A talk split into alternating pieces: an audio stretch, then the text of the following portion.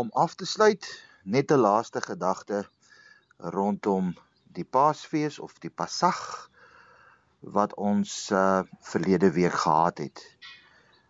Hierdie week is nou al etlike dae alreeds in die aftelling van die 49 dae in die fees van die weke.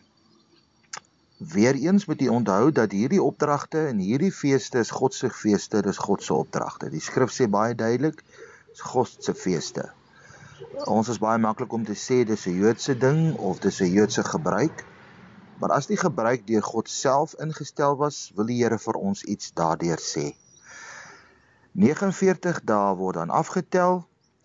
Maar baie interessant het ek raak gelees dat daar 'n 8ste dag by die 7 dae van die Pasag of die Paasfees bygevoeg word.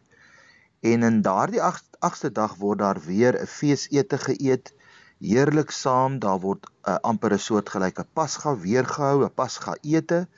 Maar dit word net gedoen deur die Jode wat buite Israel woon en buite die grense van Israel is.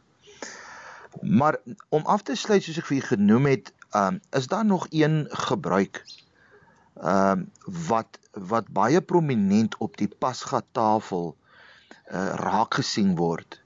Reg deur die maaltyd was daar altyd by die tafel waar almal wat betrokke is saam geëet het en saam die pasga gehou het, was daar 'n ekstra plek gedek met 'n bord, met 'n beker, 'n leë stoel. Niemand het daar gesit nie en tydens die hele pasga het die stoel daar gestaan. En wanneer die pasga ete afgesluit word, dan het die die pa of die priester wat die pas geaangebied het, het hy opgestaan en hy het gesê dit is vir Elia. En dit was 'n vyfde beker. Ek het met u gepraat oor die vier bekers, maar dit was die vyfde beker. Hy was net geskink, hy was nie gedrink nie. En hy was by daardie leë stil plek was hy neergesit. Want die die die Joodse geloof soos ons hom vandag sien veral in Jodisme staan net by die wet en die profete. Moses, die verteenwoordiging van die wet, die Pentateeg en alles wat daarmee saamgaan, die eerste 5 boeke van die Bybel en dan die profete wat baie baie sterk verteenwoordig word dan uh deur Elia.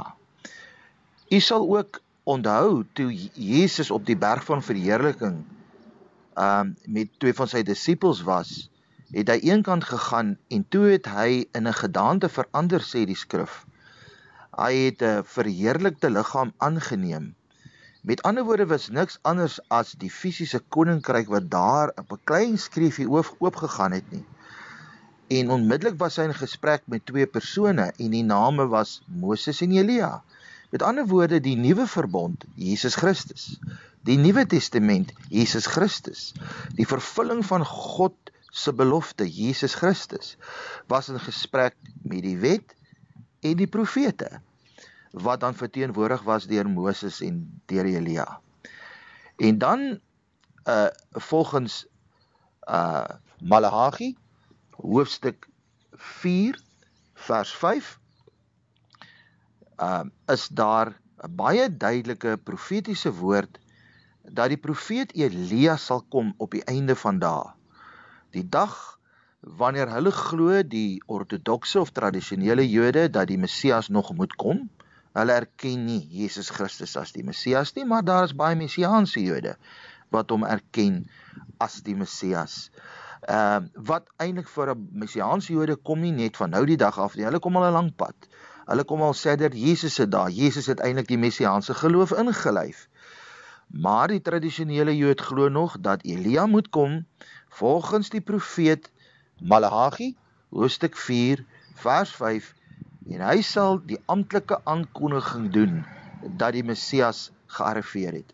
Nou by die Pasga tafel word dan opgestaan. Die kinders word gevra hardloop deur toe.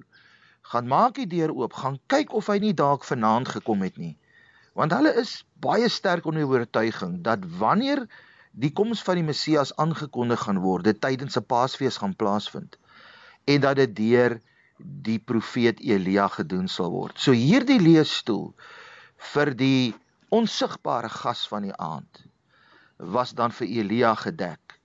Maar ons weet toe Jesus verwys ook na Johannes wat sy koms in daardie tyd in Johannes aangekondig het, het hy gesê Johannes is groter as 'n profeet.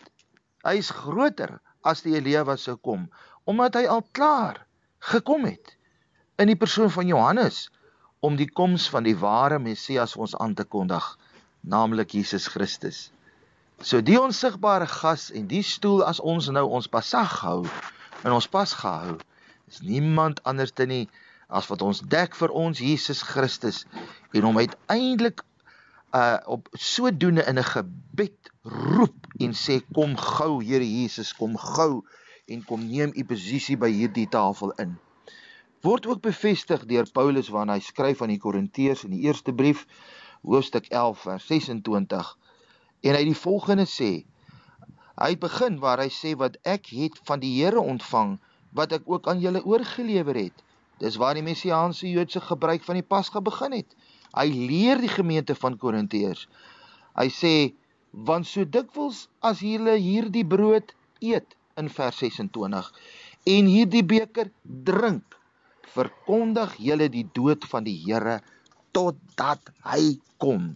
Met ander woorde soos die Passag 'n historiese betekenis het, 'n profetiese betekenis het, met ander woorde alles van die tafel reeds vervul in Christus Jesus, daar ook 'n toekomstige en en 'n en 'n en 'n 'n koppeling kom met die koms van Jesus Christus. Dit is ook 'n vooruitskou, dis ook 'n opgewondenheid dit het 'n anker histories wat dit gaan oor die bloed van Jesus aan die deurpos van jou hart, die anker van die kruis in jou lewe.